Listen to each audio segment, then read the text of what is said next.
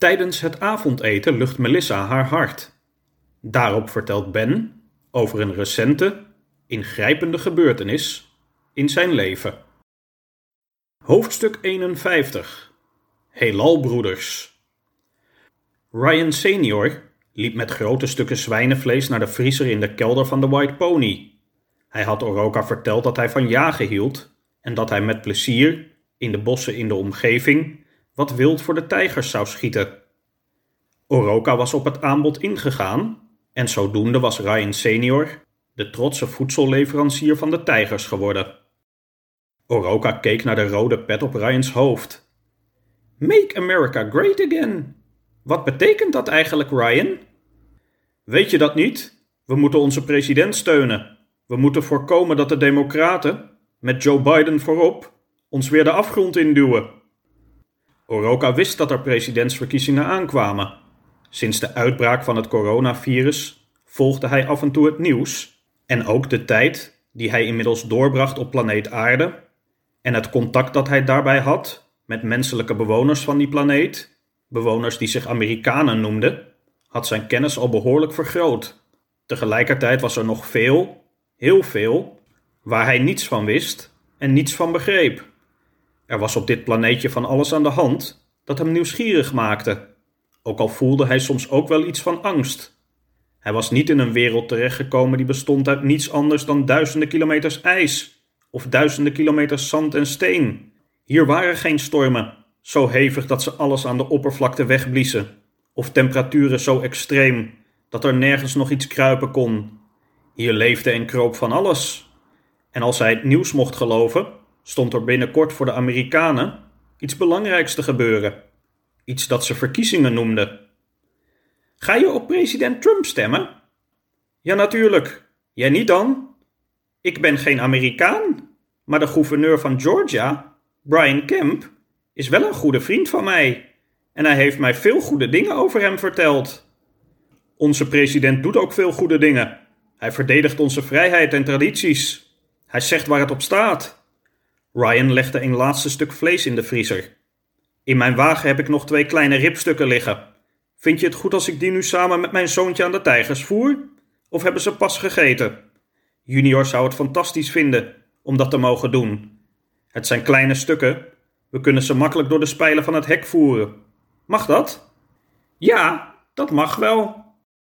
Laat op de avond liep Oroka het dak op om Ben te halen voor het eten.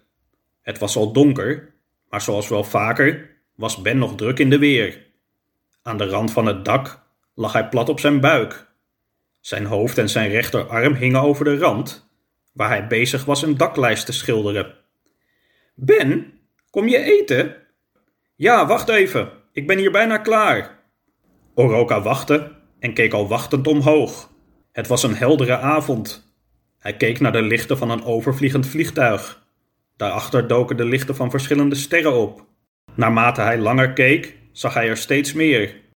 Al snel kon hij ze niet meer tellen. Zoveel waren het er.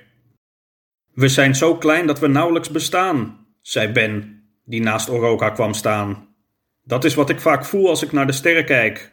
Ik zag een tijd geleden een documentaire over het heelal, waarin werd gesproken over eindeloze hoeveelheden planeten, in eindeloze hoeveelheden sterrenstelsels, op eindeloze aantallen kilometers van ons vandaan. Een expert vertelde dat het heelal zo groot is dat het menselijk brein eigenlijk niet in staat is de omvang ervan te bevatten. Toen ik dat hoorde, dacht ik: is dan het omgekeerde ook niet waar? Als we zouden bepalen dat de omvang van het heelal normaal is, dan zou je ook kunnen stellen dat wij mensen niet zozeer niet kunnen bevatten hoe groot het heelal is, maar dat wij ons vooral niet kunnen voorstellen hoe klein wij zelf zijn. Volg je me? Ik denk het wel, ook al ben ik zelf geen mens. Geen mens? Wat bedoel je? Is het je nog niet opgevallen? Het valt niemand echt meer op, geloof ik. Op de een of andere manier lukt het me best goed om menselijk over te komen. Als je, zoals ik, ver reist, moet je je natuurlijk ook wel een beetje kunnen aanpassen. Ben keek eens wat beter naar Oroka en zag het menselijke beeld dat hij van hem had plots vlug afbrokkelen. Oroka's handen en armen waren duidelijk anders dan die van hemzelf. Zijn gezicht en zijn benen waren ook heel anders. Hoe langer hij keek, hoe minder menselijke trekjes hij zag. Tot hij op het punt kwam dat hij, tot zijn eigen verbazing, nog maar één conclusie kon trekken. Namelijk dat hij hier, kijkend naar de sterren, daadwerkelijk naast een buitenaards wezen stond. Geweldig! Ben spreidde zijn armen uiteen, zoals Oroka hem dat eerder had zien doen. Hij lachte naar de sterren. Ik heb het altijd geweten. Natuurlijk, natuurlijk is er ander leven. Ik heb het altijd al een belachelijke gedachte gevonden dat wij hier op aarde de enige zouden zijn. Wat een arrogantie! Ben gaf Oroka een innige omhelzing. Welkom, vriend. Dank je, Ben.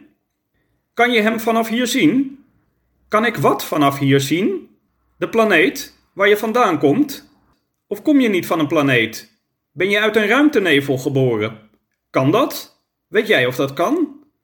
Dat weet ik niet. Ik kom in ieder geval niet uit een ruimtenevel. Ik kom ook van een planeet. Maar die kan ik vanaf hier niet zien. Ligt jouw planeet wel in ons sterrenstelsel? Of ligt die nog verder weg? Ook dat weet ik niet. Ik weet niet wat je met ons sterrenstelsel bedoelt. Geeft niet. Hoe heet jouw planeet? Oroka leek te willen antwoorden, maar verslikte zich en maakte een vreemd geluid. Gaat het? Jawel. Ben stelde zijn vraag opnieuw, waarop Oroka zich wederom leek te verslikken. Wat is er aan de hand? Zit er iets in je keel? Nee hoor, ik heb zojuist je vraag twee keer beantwoord. Een helderder antwoord kan ik je helaas niet geven. Ben probeerde het geluid na te doen, wat niet erg lukte. Ik wil eigenlijk alles van je weten, maar ik zal me inhouden. Je bent een wonderlijk wezen, Oroka. Misschien zijn we allebei wel wonderlijke wezens.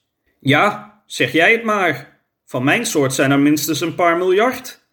En misschien zijn er daar ginds nog wel veel meer. Weet jij dat? Nee, zoveel weet ik ook niet. Ook al kan ik met mijn ruimtescheepje aardige afstanden overbruggen, voor mij is het heelal net zo groot als voor jou. Heb je een ruimteschip? Mag ik dat zien? Dat zou best mogen, maar ik weet niet waar hij is. Ben je je ruimteschip kwijt? Moet je hem dan niet gaan zoeken? Zometeen kom je hier niet meer weg. Oh, jawel hoor. Hij zal nooit zonder mij vertrekken. Zullen we naar binnen gaan? Ben liep achter Oroka over de zoldertrap naar beneden. Ik begon jou als een vriend te beschouwen, maar nu zie ik wat je werkelijk voor mij bent. Wat ben ik dan voor jou? Jij bent mijn heelalbroeder.